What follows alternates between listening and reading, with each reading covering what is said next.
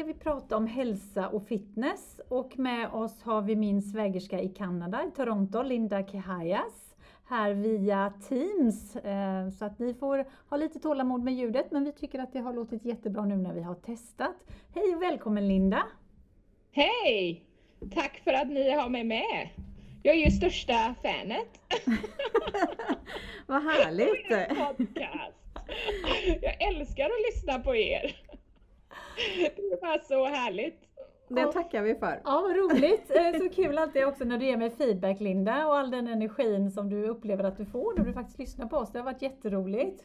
Ja, det är ju så roligt. Det är ju perfekt att ha i hörlurarna när jag går ut och går med hunden. Underbart! Det är det vi så jag också längtar undrar. efter nya avsnitt. Det är Ja. perfekt. Ja, men det är jättebra. Finns det något avsnitt som, eh, som eh, du tycker extra mycket om? Ja, du, jag tyckte ju den med jantelagen var intressant alltså. Mm.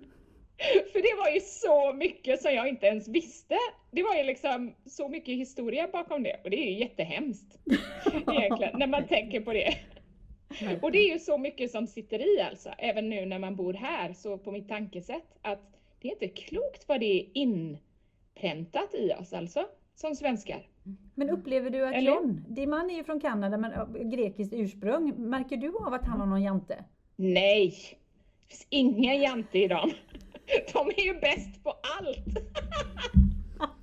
Underbart! Så det är så roligt för att det har ju verkligen varit liksom en stor konflikt som jag inte riktigt har tänkt på förut. Att liksom att dras med, för det är väldigt svårt att liksom eh, ja, acceptera det, att någon bara kan tycka att de är så himla bra på allt. Underbart självförtroende. Ja, det är ju så roligt. Fast nu, ja, nu har jag ju då fått reda på varför det är så. Men eh, ja, det är ju sånt man jobbar på. Och det är ju jättebra att ha bra självförtroende. Så why not liksom? Men hur upplever du nu när du är i eh, Kanada och har bott där i, hur många år är det du har bott Linda? Så jag inte säger fel. Vi gifte oss 2005, så det är ju 17 år. Ja, det är länge nu. Tredjedel av livet. Ja, nu är det ju, nu är ju jag 42, Mm. i, när jag fyller 42 i juni. Men så det är ju halva livet. Jag åkte hemifrån när jag var 21. Så nu har jag varit borta lika länge som jag bott i Sverige. Häftigt. Och jag tänkte just också när du pratade här med jantelagen, kan du uppleva nu, och lite det vi ska prata om sedan, hälsa och fitness och, och, och tänka på mat och sådär. Kan du, tänka, kan du se hur du har förändrats under de här åren från att vara väldigt, väldigt svensk till att faktiskt bli mer kanadensisk greks eh, kombination där? Absolut, absolut. Det är en väldig skillnad tycker jag från, eh, från Sverige lite grann. Och sen också är det så viktigt, fast det kan vi komma in till senare, men det beror ju på att man blir så mycket som sin omgivning liksom. Att man, ja, förändras. Det är väl underbart att Sakta förändras och utvecklas? Det är ju det man ska ja, göra. och utvecklas. Alltså, Mm. Och det är ju bra, det är på ett bra sätt alltså. Mm. Jag tror att det är väldigt viktigt att eh, åka hemifrån så att säga. Sen behöver man ju inte flytta bort hela livet. Men jag tror att det är väldigt viktigt att i alla fall ett tag åka resa eller utomlands, studera eller någonting så att man får en liten annan bild av världen.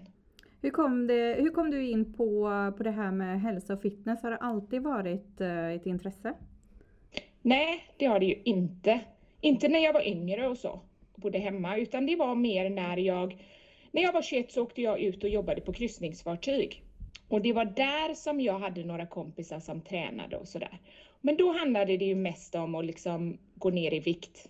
Det var ju det som alltid var livet liksom. Så att då var det ju, det var ju alltid målet. Så det blir ju många olika saker som man provar och så. Och sen när jag, då började jag träna lite granna. Och sen när jag blev med barn så gick jag ju upp väldigt mycket, 35 kilo säkert. Och då efter så var det att jag då skulle bli av med den vikten. Och då när jag hade fått min son så började jag springa och det tycker jag ju om, det är roligt. Och då tog det ungefär, då var det väl 18 månader och så. Då gjorde jag inte så mycket styrketräning. Men sen efter att jag fick min dotter, då hade jag gått upp lika mycket igen. Kroppen är ju då- fantastisk. Vad sa du? Kroppen, Kroppen är är fantastisk? fantastisk, ja. Mm. Absolut. Men då tänkte jag, nej, för 17, den här gången kan det inte ta 18 månader och komma tillbaks i form liksom. Så då, då hade jag som tur, då hade jag hittat ett bra deal på en personlig tränare. Och han började jag träna med när Astra var kanske sex eller åtta veckor. Jag liksom, ja, nu är det liksom, nu gäller det. Så jag tränade med honom två gånger i veckan plus att han gav mig saker att göra när jag inte tränade med honom. Men vad var det för, han, Linda, vad var det för träning du gjorde då? Eh, då var det styrketräning. Ja. Han var en väldigt stor bodybuilder. väldigt liksom en sån här du vet en sån som står utanför klubben. Ja. Men hur var känslan då när, när du kommer dit och andra barnet, du vet att du har gjort resan på egen hand och så kommer du dit och träffar bodybuilden. Alltså hur kändes det då? Att, jaha, eller vad, vad var tankarna då? Ja, först så bara, åh herregud, hur ska jag kunna träna med honom? Jag kunde ju knappt liksom lyfta ett kilo. Men tror du att många, många... Men han var så fruktansvärt bra. För att grejen med bodybuilders är ju att de kan ju alltså vetenskapen bakom hur kroppen fungerar.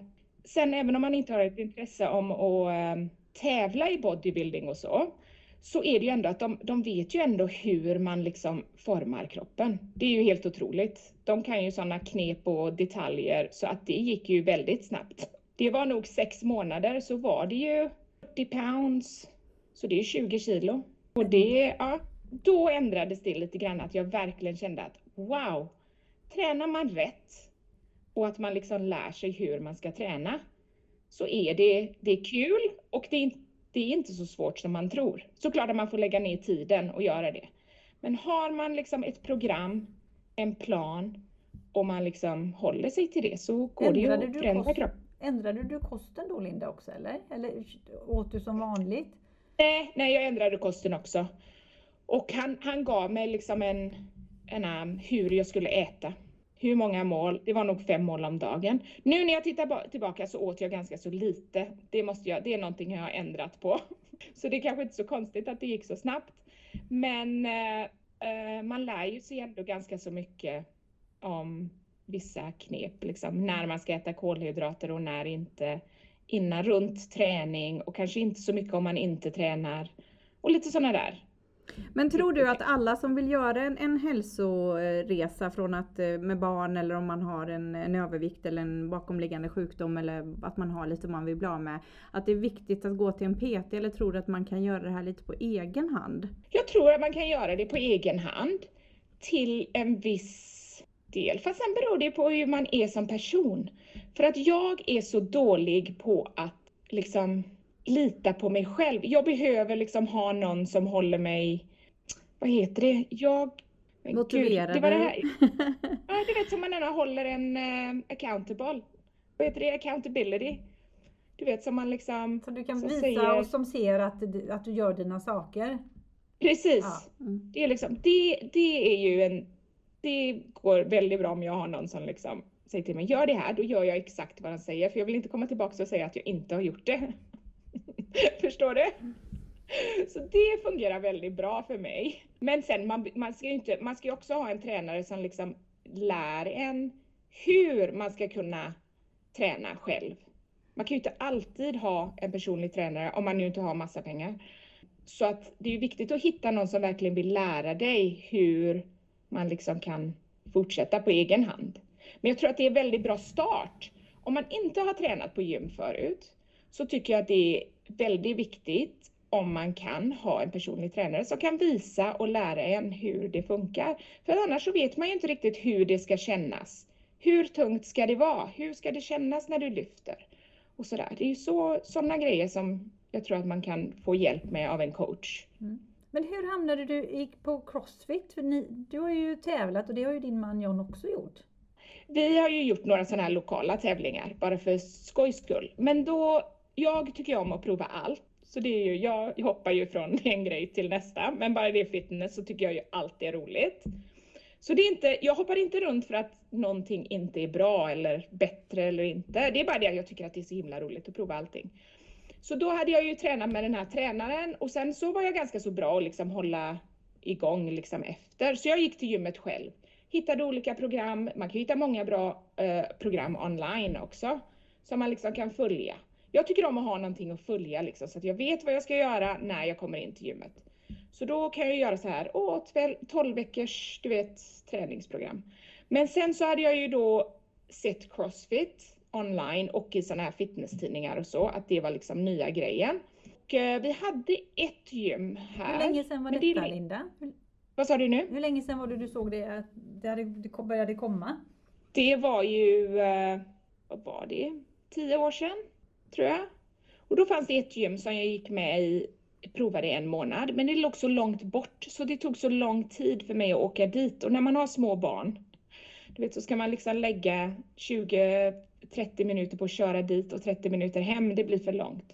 Men jag tyckte att det var himla kul, så när jag hittade ett som, när de öppnade ett nytt gym närmare, så gick jag med där och då sa jag till John att du måste ju komma och testa det här för det är så himla roligt. Och det var det ju. Det är jättekul.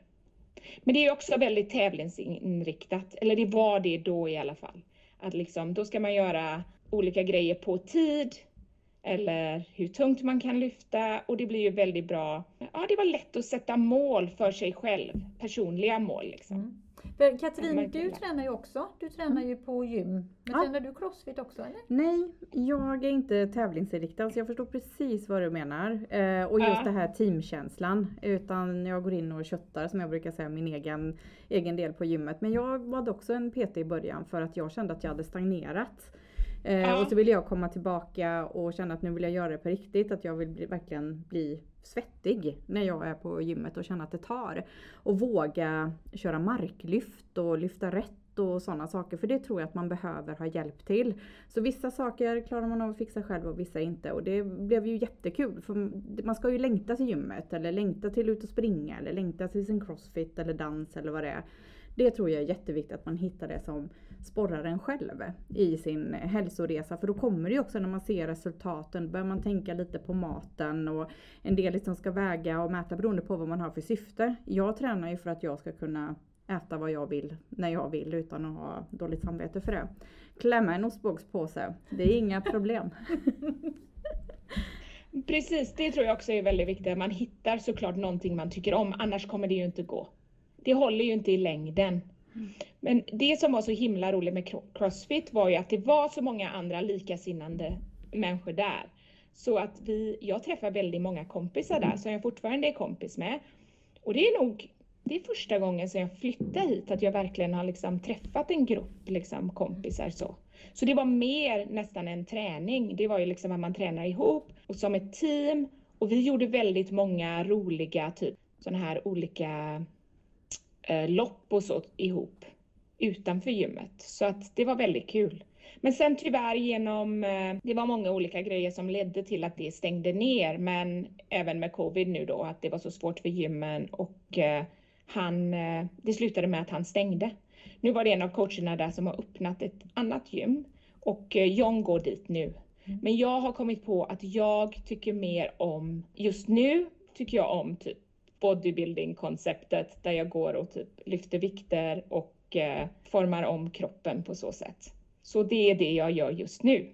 Men jag måste säga så, jag är människa, jag är nog latast i stan. Eh, så jag kan inte känna den här känslan att längta och gå till ett gym eller så här. Jag vet att jag måste, jag gör det. När, men, men så tänkte jag faktiskt, jag, det värsta jag vet är att springa. Och jag blev så fascinerad Linda när du sa att du ska springa maraton och du har ju faktiskt gjort det. jag tänkte jag dör. Kan du ge ett tips till några här som funderar på att springa maraton? Hur, hur ska man tänka liksom? Ja, absolut. Eh, nu var det ju så att jag har ju alltid sagt, jag sprang min första halvmara efter jag hade fått min son. Och det var ju då jag började springa för att typ gå ner i vikt. Och det var inte roligt. jag tyckte inte alls att det var så härligt. För det var ju nästan som att jag höll på att tvinga mig själv liksom att springa för att jag skulle gå ner i vikt. Och det, det håller ju inte i längden. Utan jag tycker att det är så, det, det är liksom, man får komma upp med andra mål än att, det går inte bara att hålla, åh nu ska jag gå ner i vikt. Det går inte att leva på. Men det var ju mitt mindset då. Det har ju liksom skiftat nu. Men eh, då när jag skulle springa en eh, maraton, det var ju så här att då när jag sprang den halvmaran i 2008 så var jag på ett eh, typ ett eh, med en run club här och då var det någon som sa att det var en, att det fanns en maraton i New York City Marathon skulle hon springa. Och jag tyckte bara att det låter så himla häftigt bara för att jag älskar New York. Och då skulle man springa, skriva ner typ ett drömmål liksom på en lapp och behålla den. Och då skrev jag, åh, springa New York City Marathon. Ja, du vet så här. Och sen tog det ju tio år tills jag sprang den. Men då var det så här att min kusin Emily som du känner, hon hade skrivit upp sig och skulle springa New York Marathon och då e-mailade hon mig och sa, ska du inte hänga på, jag ska till New York. Jag bara, nej men det är ju meant to be. Jag måste ju, jag har ju skrivit detta på en lapp en gång att jag ska springa New York City Marathon, så det måste jag ju bara göra. Och då gjorde jag ju crossfit under tiden. Men då tog jag alltså, jag tog ett år på mig att träna. Det ska jag säga ärligt. Så att jag började i januari 2018 och det loppet var i november. Och då började jag med att träna för en halvmara. Så sprang jag halvmaran i maj och sen började jag liksom springa. Och då följer jag också ett schema. Och det är ju det, jag är ju bra på det. Alltså det, jag håller ju mig till det. Jag vet inte vad det är, men det bara gör att jag liksom, kan jag liksom kryssa av om jag har ett schema framför mig så vill jag inte bryta det liksom, mönstret. Och då, någonting, någonting med springning som jag läste någonstans är ju så här, att det är ju inte härligt och roligt förrän att man, förrän man blir liksom fit nog att det är skönt att gå ut och springa tre eller fem kilometer. Alltså är det jättejobbigt och tråkigt så är det ju inte roligt. Men om man väl liksom håller sig och tränar upp konditionen och när man liksom klarar att springa tre kilometer utan att stanna, då blir man ju liksom wow! Tänk att jag, jag kunde ju inte ens springa tre kilometer utan att stanna förut. Så det är också någonting som man liksom bygger upp och det kan jag ju se en utmaning i. Så det är väl allting om utmaningar för mig, men bara liksom kan jag förbättra mig på någonting så tycker jag att det är kul. Nej men det låter så spännande för jag tänker så här själv att, ja som sagt jag sa ju det innan, jag är väldigt lat. Jag gillar ju absolut inte springa eh, så. Väldigt ensamvarg när jag tränar. Eh, kan tänka mig styrketräna. Så inte alls social. Men vi behöver ju träning och sen också det som vi inte har kommit in, in på ännu här Linda, men, eh, och det är ju kosten. Och vi har ju pratat mycket om det jag och Katrin när vi eh, har poddat, just det här med mat och vad, att man behöver tänka lite, vad, vad passar min kropp? Lite det du var inne på det här med att när ska man äta kolhydrater? Behöver jag äta så mycket som jag gör eller inte? Och jag vet att du har ju testat massa olika kostprogram. Och det är ju en annan sak som, min man är också lite intresserad i det här om den här kosten och så, fast han tycker om att, att läsa om typ vetenskapen hur man lever längre och så. Eh, så att vi har ju provat lite olika grejer, bara för skojs skull liksom. Och eh, man kan ju lätt se liksom vad man mår bra av och vad man inte mår bra av. Så jag till exempel, vi gjorde tre månader av eh, keto och jag mår inte så jättebra på det för att det är så högt fett. Kan du berätta lite jag, vad keto innebär Linda då, för de som inte vet? Jo, så det, det innebär ju då att man äter låg kolhydrat och högt fett. Så att kroppen använder fettet man har i kroppen som energi istället för kolhydrater. För när man äter kolhydrater så håller ju kroppen, liksom, håller ju kroppen det och om man inte använder det som energi så blir det ju, lagras det ju som fett. Så det gäller ju att hitta liksom balansen av hur mycket man ska äta versus hur mycket man bränner, som att säga. Och det är ju liksom, det är ju fakta. Men då om man drar ner på kolhydraterna till nästan, det är väldigt, väldigt lite, till noll. Jag tror att det är under 25 gram per dag som man kan ha, eh, som man kan äta. Och, men då måste man också ha högt fett så att kroppen producerar någonting som heter ketons, ketoner heter det väl på svenska. Och det blir ju då energi, eh, det som man drar energi från. Och det är ju väldigt många som gör eh, långdistans, som gör sådana här 100 kilometers lopp, 150 kilometers lopp, som är väldigt, som gör väldigt bra på den dieten för att kroppen har ju alltid kroppsfett att dra från. Men man måste också träna kroppen att på det, så det tar väldigt lång tid att komma, att kroppen vänja sig vid det. Men är det inte då man luktar Förstår illa? Ja, man luktar aceton ja, Man luktar väl illa när man... Ja man, kan ju, ja, man kan ju få dålig andedräkt då för att man har ketoner, så det är inte värt det. Då ska man inte dejta. Nej. Men sen ska jag inte säga att jag, jag tror också nu efter att jag har gjort ganska så mycket research och så, för jag mm. mådde ju inte så bra på det. Um, men det är också mycket, mycket av sån här research och så de gör är oftast gjorda på män. Och det är ju så väldigt, väldigt olika män och kvinnor. Och jag och John har haft många, många diskussioner om det här för att han tror mig inte. Men jag, det är ju så att kvinnor är inte små män. Nej. Utan vi är ju väldigt, väldigt olika. Ja, och all forskning görs ju faktiskt på män. Det är ju om allting så är det all forskning görs på män. Så att, eh, så, ja. Men det är intressant för jag tycker att prova på olika koster så lär man ju sig också sin egen kropp som vi har pratat om förut. Att man lär ju sig vad man mår bra på och inte mår bra på. Så det är ju väldigt bra att prova olika sätt också för att liksom lära sig. För jag tycker att jag är väldigt, eh, eh, vad ska man säga, typ in tune med min kropp just nu. Så att jag kan känna liksom vad som gör att jag mår bra och inte mår bra. Hur märker du det då? Jo, men så, så att man liksom, om man är trött på morgonen, om man vaknar, om man är så här dimmig i huvudet, att man blir trött. När man tränar kanske man inte orkar lika mycket. Känner du aldrig det? Jo, men det är så spännande att höra någon annan. För jag och Katrin har pratat Ja. om det ganska mycket. Att, att det här att när, när, man, när man äter någonting. Jag vet ju när jag äter kolhydrater, om jag äter pizza eller bröd eller pasta eller någonting. Eh, och så går jag och lägger mig och så på morgonen när jag vaknar då är jag full. Det, jag Ja, bakfull. men det är ju som att man är bakfull, att man är helt dimmig i huvudet och sådär. Om man äter liksom för mycket.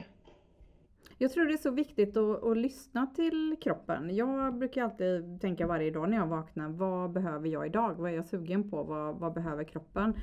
Jag brukar ofta skratta om det för min, ehm, min dotter hon har ju kommit på det här att jag är ju inte så jättemycket för läkemedel, Ipren, eh, när man börjar bli förkyld eller sådär. Då säger hon alltid, du kommer alltid med någon grönsaksjuice eller en smoothie eller någonting. Ta den här istället så kommer du må jättebra.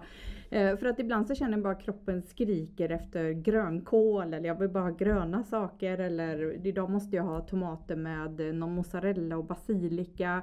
Att man lyssnar så vad, vad kroppen behöver. Sen finns det ju liksom en annan som bara nu behöver du choklad, nu behöver du lite det här. Men det är ju liksom belöningskontot på något sätt som många kanske överbelönar sig själv. Jag tror på den här balansen liksom att hitta Eh, äta ordentligt eh, lagad mat och inte processad mat och eh, ja, men lyssna till vad, vad man behöver. Jag äter inte kött sedan eh, fyra år tillbaka och bara kände att jag klarar inte av att göra det. Men nu har jag börjat få ett sug. Att jag är sugen på råbiff. Ja, men det är ju då, du behöver ju det. Precis, och Alltså, nu för måste du jag behöver ju... ju järn Precis, från... och nu... Alltså, det finns ju Ja. så mycket bra grejer i, i kött så det är ju Yes. intressant att du riktigt kan bli sugen på Sugen på en råbiff. kött till råbiff. Precis, och då är det så här, ja nej men då är den här eran slut.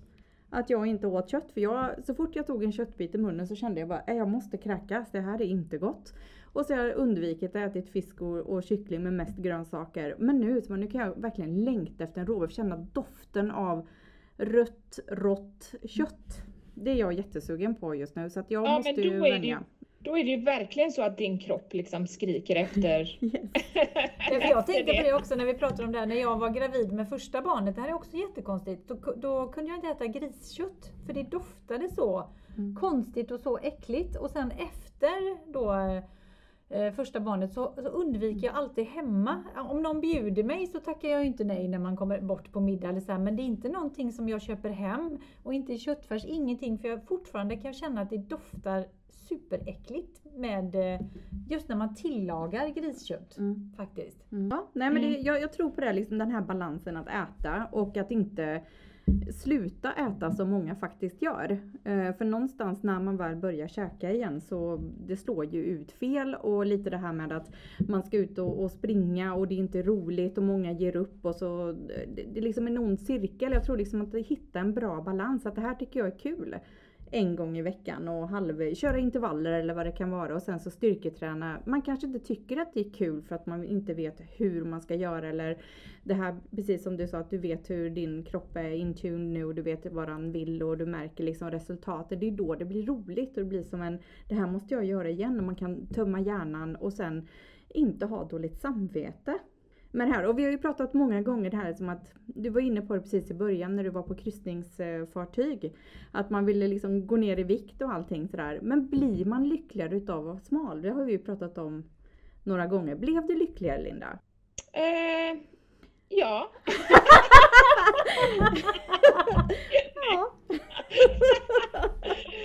nej, jag... eh, Nej, nu, nu ska jag. Men eh, det finns ju så mycket andra saker omkring såklart. Det finns ju en balans. Känner man att man ser bra ut så tror jag att man mår bra. Mm. Alltså det är ju så här den här fåfängan kanske. Och nu behöver det inte vara att liksom, åh, vara trådsmal eller vara, men jag känner mig bättre om mina kläder liksom känns bättre. Jag har kommit bort från det där numret på vågen liksom. Mm. Jag går inte och liksom, det spelar inte så stor roll, men jag kan liksom känna liksom med kläderna lite mer, att man känner sig bättre, att man känner sig lite lättare när jag går och springer. Det är ju någonting. Alltså, nu har jag aldrig varit så här jättesnabb. De som är jätte, jättesnabba är ju trådsmala, du vet, och bara springer, springer, springer. Så har jag ju inte varit. Men man känner ju liksom kroppen kanske bäst vid en viss vikt om man ska säga så, eller storlek, vad man nu ska säga. Sen när man börjar träna vikter så kan man ju väga mycket mer, men kanske ha bättre form i kroppen än om man bara viktnedgång så att säga. Mm. Och jag tänker också på det här, eh, också det du sa i början och det vi har pratat om just här att när man har ett mindset att man ska gå ner i vikt och så plågar man sig själv. Alltså det blir lite, känslan blir att man ska dra ner på mat, man får inte äta det här. Men om två veckor då får jag äta det igen. Och så håller man på så hela tiden och så förbjuder man.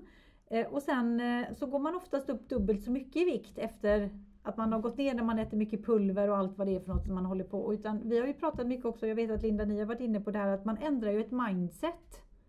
Det blir inte ett straff utan precis det du är inne på nu, att man känner att nej men jag mår mycket bättre. Alltså jag känner mig piggare i kroppen, min hjärna känns bra, eh, kläderna sitter bättre fast jag kanske väger mer för att jag har fått mer muskler. Men jag mår så mycket bättre och jag kan äta vad jag vill.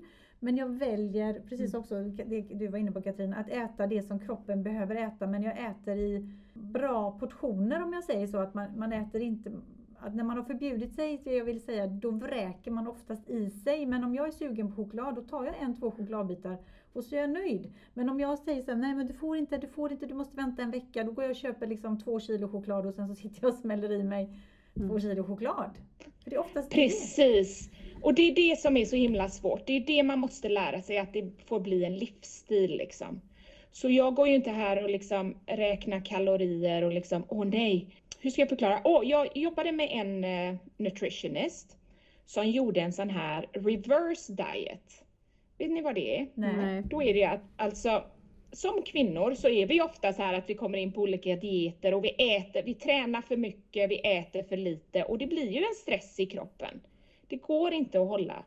Så jag hade en tjej som jag jobbade med i tre månader som gjorde en opposite då, så att vi började på typ nu tror jag, nu ska jag bara säga lösa nummer, då använder vi MyFitnessPal, tror jag att ni har i Sverige också. Det är en app där man pluggar in liksom vad man äter. Så då gav hon mig olika mål av protein, kolhydrater och fett som jag skulle äta varje dag. Och då är det ju att vi äter det är väldigt vanligt att vi äter för lite protein. De flesta behöver mer protein än vad, vad man tror liksom, för att hålla balansen. Så då började vi på ungefär 1600 kalorier och så hade vi olika mål och så gick det upp till typ, jag var över 2000 kalorier. Och vad det gjorde är ju att min kropp vande sig vid att äta mer mat. Mina hormoner blev bättre, jag sov bättre, jag hade mer energi och jag hittade den här punkten där jag varken går upp eller ner. Så det var liksom min, det här kan jag hålla mig på. Och man kan äta så mycket mat och hålla sin vikt. Mycket mer än vad man tror. Om man väljer rätt mat. Och när du säger väljer rätt mat, så, nu blir jag nyfiken, vad valde du för mat? Jo, men då får man ju liksom se till att då är det lite att man måste hålla koll på och räkna hur mycket kolhydrater, fast det var väldigt, väldigt mycket mat som jag fick äta.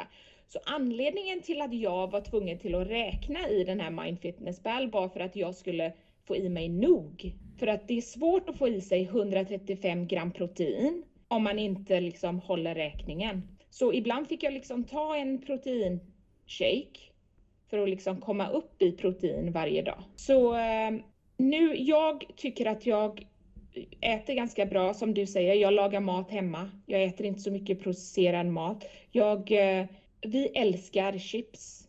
Men en grej som jag har lärt mig från, vi har ju talat om det här 12 veckors programmet, Maria Borelius antiinflammatoriska program. Mm. Det är en väldigt bra bok att starta med. För där kan man prova sig fram och se hur kroppen liksom eh, mår av olika grejer. Så till exempel, både jag och John, vi älskar chips. Vi har lärt oss och vi har vetat detta länge, fast nu har vi verkligen satt upp en, en regel att vi kan inte ha chips hemma. För det går inte, det håller inte i huset. Som du säger, jag kan lätt äta en påse chips. Men om vi nu bestämmer oss, åh, ikväll ska vi äta chips och titta på en film. Då går vi och köper det för det tillfället. Men varför hålla sig liksom, vi har ju så mycket dålig mat och matval och godis och choklad runt oss vart vi än går. Mm. Till affären när man ska betala, där ligger det fullt med chokladbitar. Och hur lätt är det inte att liksom slänga på ett sånt på bandet liksom? Mm. Eller man ska gå och tanka och hur många, åh, två för 49 kronor eller vad det nu står liksom. Mm. Det är bara överallt. Det är svårt att motstå alltså. Mm. Så om man kan sätta olika regler för sig i sitt hus, att man kanske går igenom skåpen och så och säger att okej, okay, jag ska inte ha godis hemma, men om jag går till någons hus och det finns godis och det är typ en fest så förbjuder man inte sig själv att äta det. Mm. Men man kan ju sätta olika regler så, som gör det, så, så att det blir lättare för en själv. För ligger det en påse godis i huset och man säger jag ska inte äta godis, då går jag och vräker i mig den påsen godis. Mm. Ja, men så, så det är också en mm. sån grej. Har du varit så med någon gång när du har tränat så pass mycket i, eh, i ditt liv och, och olika dieter och sådär att du har gått upp i vikt utav fel sorts mat och träning? Nej, det är nog mer då jag har gått upp för att jag gärna har liksom, har helt enkelt inte, jag ska inte säga följt någonting, men att jag liksom har blivit liksom, äh, äta vad jag vill liksom. Mm. Men äta vad jag vill, det låter så dumt. För det, man ska ju äta vad man vill. Men jag tror liksom att, jag har tänkt mycket så här, så, så nu, nu får jag börja om, jag måste samla mina tankar här hur jag ska säga det här. Nu, just nu så är det att jag läste den här boken av Maria Borelius, den 12-veckorsprogrammet. Det är en väldigt bra bok att, att, läsa. Och i den så är det en uppgift där man ska skriva ett brev till sitt, sitt framtida själv, till sitt framtida jag, är det väl. Så ett år från nu, vad vill du läsa om dig själv? Och när jag satte mig ner och, läs, och skrev det här brevet så var det mycket som kom upp då. Och det är mycket, för mig var det mycket gärna om målsättning runt träning och, och äta och så.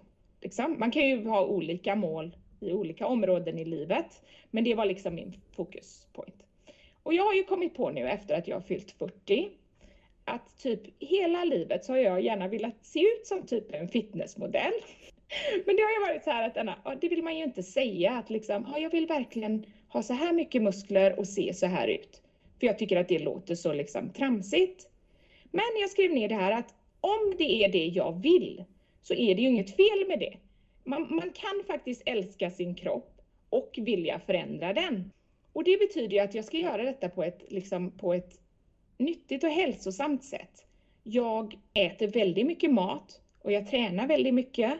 Men jag vet ju att om jag verkligen vill gå för ett sådant mål så kommer det inte gå om jag äter godis, chips och dricker en massa vin. Det går helt enkelt inte. Man kan inte ha liksom både och. Så om man vill ha väldigt strikta, om man har ett mål i sikte, då kanske det är värt ibland att liksom tajta till det lite granna. Så just nu så har jag eh, anlitat en coach som är en fitness trainer. Hon, hon eh, tränar väldigt många så här, eh, hon har en fitnesstidning. Hon, eh, hon är fitnessmodell. Så henne har jag anlitat nu, för jag har alltid velat göra liksom, gå all in och se hur kan jag liksom nå det här målet en gång i livet. Men hon är väldigt, väldigt bra. För att hon, anlit, hon tar inte eh, liksom på sig eh, folk som säger att åh, kan du få mig att se ut så här i typ, på typ åtta veckor? Nej, man måste anmäla sig i sex månader.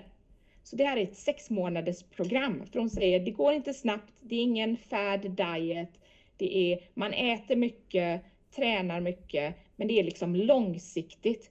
Och har man ingen plan, som du sa förut, liksom, åh, nu ska jag gå 30 dagar utan att äta godis.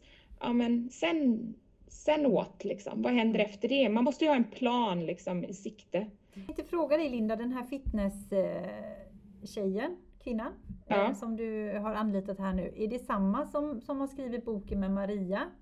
Nej, det är inte hon. Nej. Hon är ju, hon är Rita Catalina och hon bor ju faktiskt här också i Ontario. Mm. I Ontario. Men hon som jag har anlitat coach Jenny, hon har väldigt, hon har ett företag som heter Team Strong Girls. Och vad som är så kul med detta är ju att det finns ju en Facebookgrupp.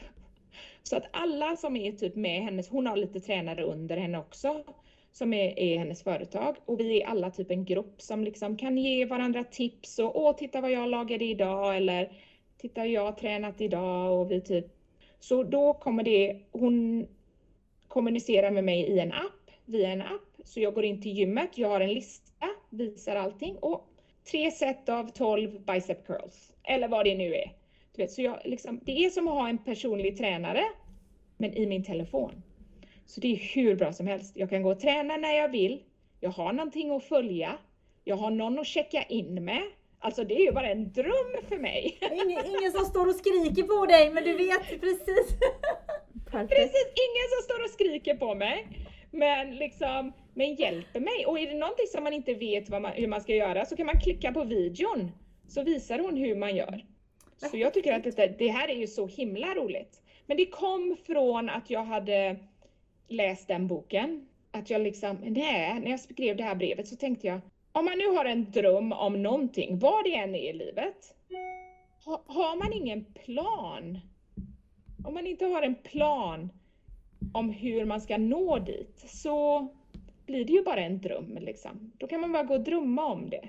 Och då blir det ju liksom att jag tycker om att ha så här planerat. Ja, men nu är det här målet. Då måste jag göra det här, det här och det här och det här. Och det är väldigt, väldigt roligt. Om man ska prata om maten så har hon då skickat en eh, matsedel ungefär till mig. Så sa hon så här, de två första veckorna vill jag att du ska äta exakt vad som är på den här matsedeln. För det kommer bara ge mig, och sen ska vi checka in efter två veckor. För då, det kommer bara ge henne en idé om hur min kropp fungerar på så här mycket mat, på så här mycket protein. Vad jag märkte var allting som är på den här matsedeln, jag behövde inte gå ut och handla för att det fanns redan hemma. Och det är typ kyckling, ägg, vad heter det, typ eh, köttfärs, sötpotatis, ris, grönsaker och frukt. Det är typ det jag äter nu i två veckor. Och det kan bli lite ensidigt fast det är väldigt stora mål. Så att det är mycket mat fast ungefär samma mat. Har, har du fått recept nu då eller? Ja, det ger mig liksom så här, åh till frukost ät eh, tre ägg med liksom två toast och frukt. Och så står det efter träning en proteinshake, tre riskakor och tolv mandlar. Så det är så här väldigt liksom strikt. Men jag, jag älskar ju det här. Det är ju alltså lätt just nu när motivationen, sen efter när motivationen går bort, då måste man ju vara disciplinerad alltså. Jag älskar ju sånt, så det kanske är lättare för mig. Men att ha någonting att följa tycker jag, det fungerar för mig. Men det är så spännande och vi har ju pratat om det också innan, för kroppen förändras ju hela tiden. Och man märker ju av det vid varje årtionde, höll jag på att säga, när man fyller 20, 30, 40, 50.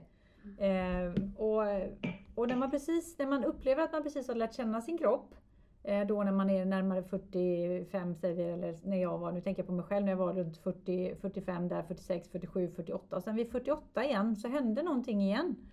Som gjorde att jag absolut inte kände igen min kropp för det som hade funkat funkar inte längre. Så jag känner ju ett helt plötsligt här nu, eh, har jag nu under några års tid fått ändra om ganska mycket. Eh, och sen så känner jag också faktiskt nu när jag är då närmar mig 52 i år, fick jag tänka till igen, eh, att jag behöver, precis som du sa Linda, jag behöver äta jättemycket proteiner. Mer protein än något annat på tallriken för att jag ska må bra. Men däremot så behöver jag inte äta lika mycket mat. För att jag, för äter jag för mycket då kommer jag in i den här trötthets... Och det gäller även proteinet. Utan jag, jag behöver verkligen portionera så att jag märker att jag nästan kan äta hälften av det som jag ätit förut. För att det blir liksom att kroppen hänger med och att jag ska vara pigg igen. För så fort jag går över så blir jag så här trött, jag orkar inte göra någonting. Och jag tycker det är jättespännande att se vad som händer vid varje årtionde som man firar. Precis, och det var det jag kände också när jag anlitade den här coachen. Jag tyckte om henne för att hon är min ålder. Så att det måste vara någon som är över 40 som vet liksom att hur kroppen fungerar. Och sen beror det ju också på liksom hur mycket man tränar, du vet vad man gör för jobb på dagen. Promenerar du mycket? Du vet, jag, jag tänkte på det, jag ville lägga till med det du sa om jag var lyckligare när jag var smal. Men det är ju inte det lyckligare. Men jag tycker att det är ju så att äter man för mycket hela tiden och man typ har extra vikt på sig så tror jag att man blir så van vid hur man mår. Att man vet inte hur det känns att må bättre. Det är som när jag, jag brukade ju röka i typ 15 år säkert. Jag slutade när jag blev gravid med min son. Och jag skulle aldrig sluta röka, jag älskade att röka.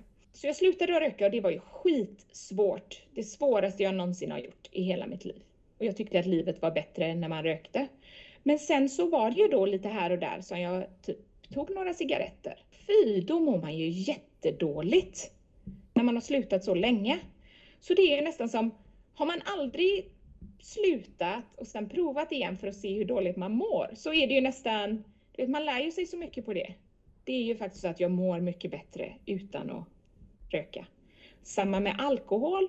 Nu min man är inte så, han dricker inte så mycket så att vi dricker liksom inte ofta här hemma. Vi tar liksom inte ett glas vin så för att det är bara någonting som vi inte gör ihop. Sen tar jag alltid vin om jag går ut eller om jag är hos någon annan.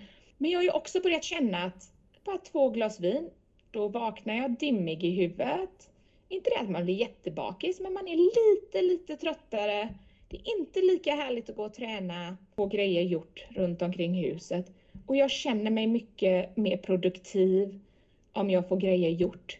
Så för mig, jag väljer mina tillfällen liksom att nu har jag mycket att göra imorgon så är det inte riktigt värt det glasvinet eller två. För mig. Och, och jag bara känner det att man lär känna kroppen, vad man mår bäst av.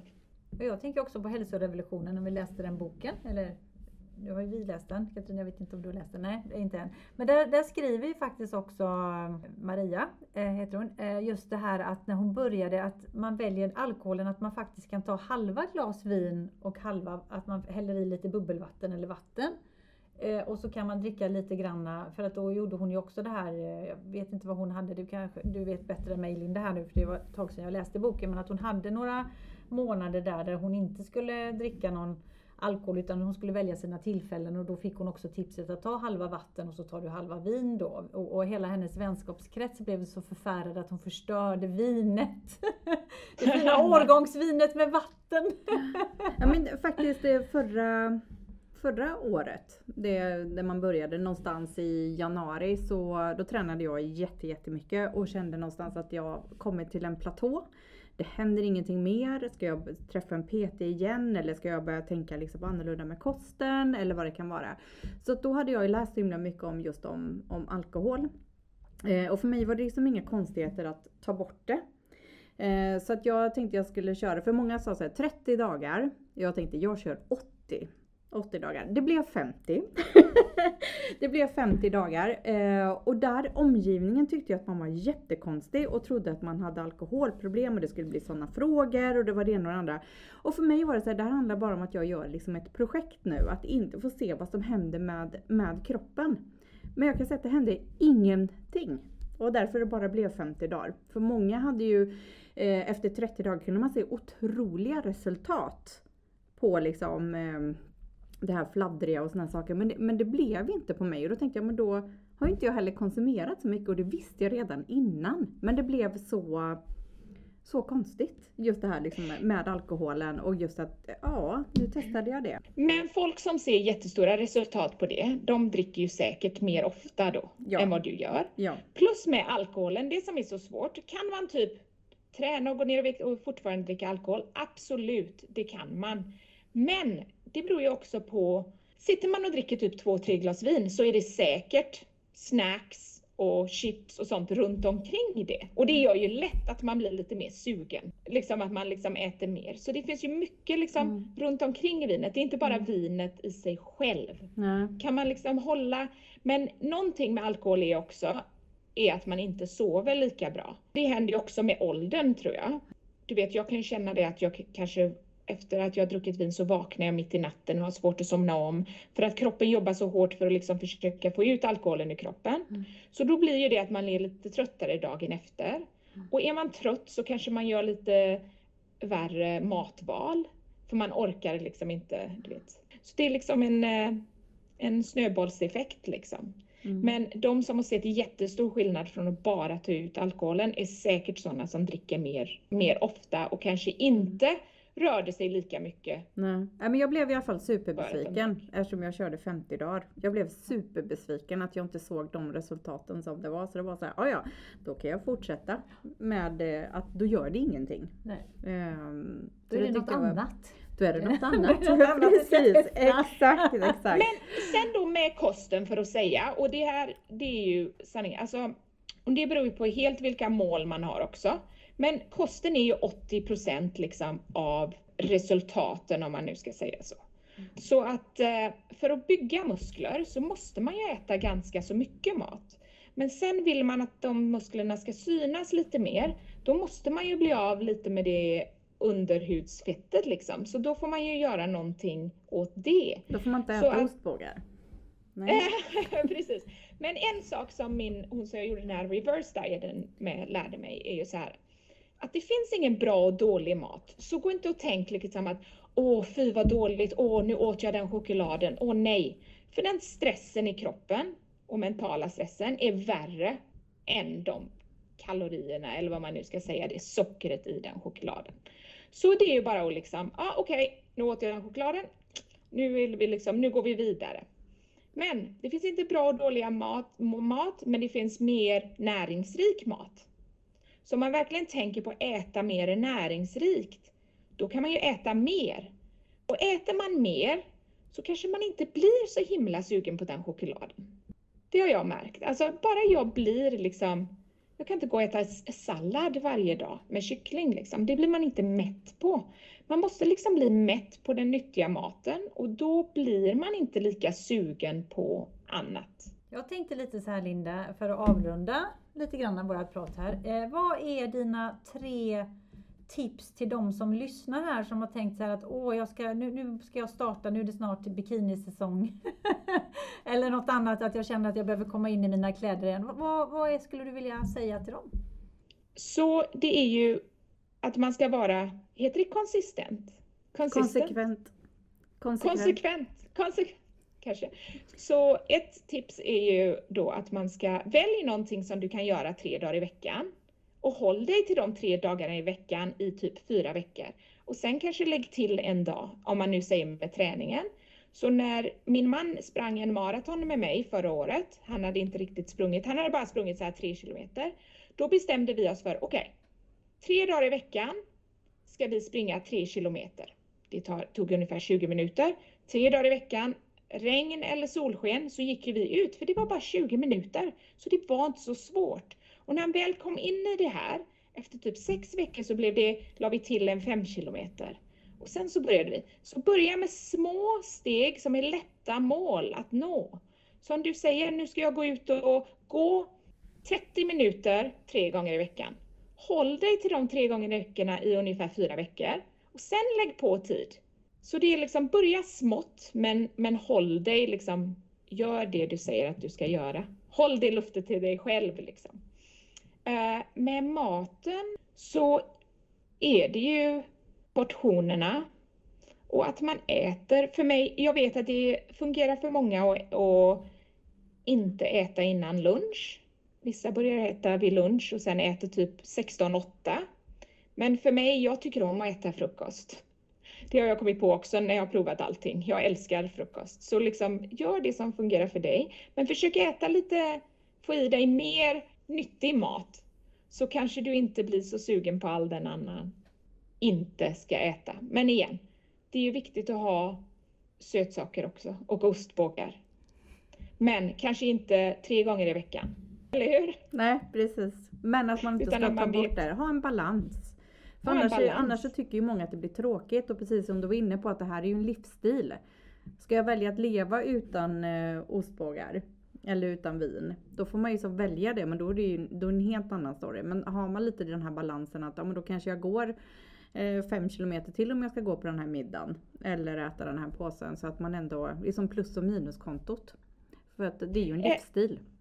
Precis och också en sak är ju, vet man att man ska ut på middag på kvällen då kan man ju äta lite lättare under dagen. Då kanske man äter en sallad till lunch.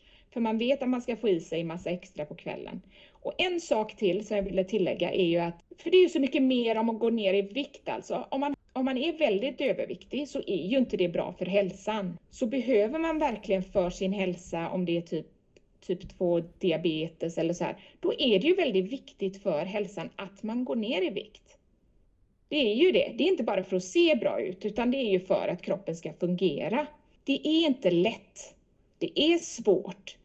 Så man kan inte göra det för lätt för sig, för att om det skulle varit jättelätt så skulle alla ha gjort det. Då skulle det inte varit liksom en, en challenge. Mm. Men om det är för hälsan så kanske man måste bita ihop lite och tänka att ja, jag kanske måste sluta äta ostbågar och godis och vin i x amount of time tills jag typ går ner så att du vet, så kroppen mår bättre. Man måste sätta sig i lite, det kommer vara svårt och jobbigt. För skulle det varit lätt så skulle ju alla ha gjort det. Precis. Men man måste på något sätt försöka fighta sig igenom liksom och veta att när man går igenom svåra saker så blir man ju starkare på andra sidan. Och lite det här med att ha kanske en app och följa.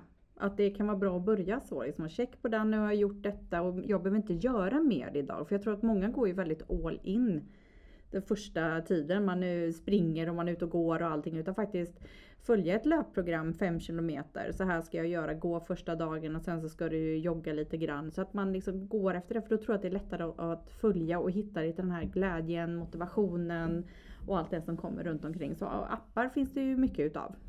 Så många bra appar och liksom som man kan följa. Och eh, ja, så bara börja och vara liksom Håll dig om du säger att du ska gå tre dagar i veckan, så gör det. Och också var förberedd på att det tar lång tid. Folk vill ha snabba resultat. Det håller inte i längden. Så om någon säger, åh, 30 dagars diet, gå ner 10 kilo. Ja, och sen då? Nej, det går inte. Du måste tänka typ på ett år. Är detta någonting som jag kan hålla mig till i ett år? Annars så är det ingen mening med det.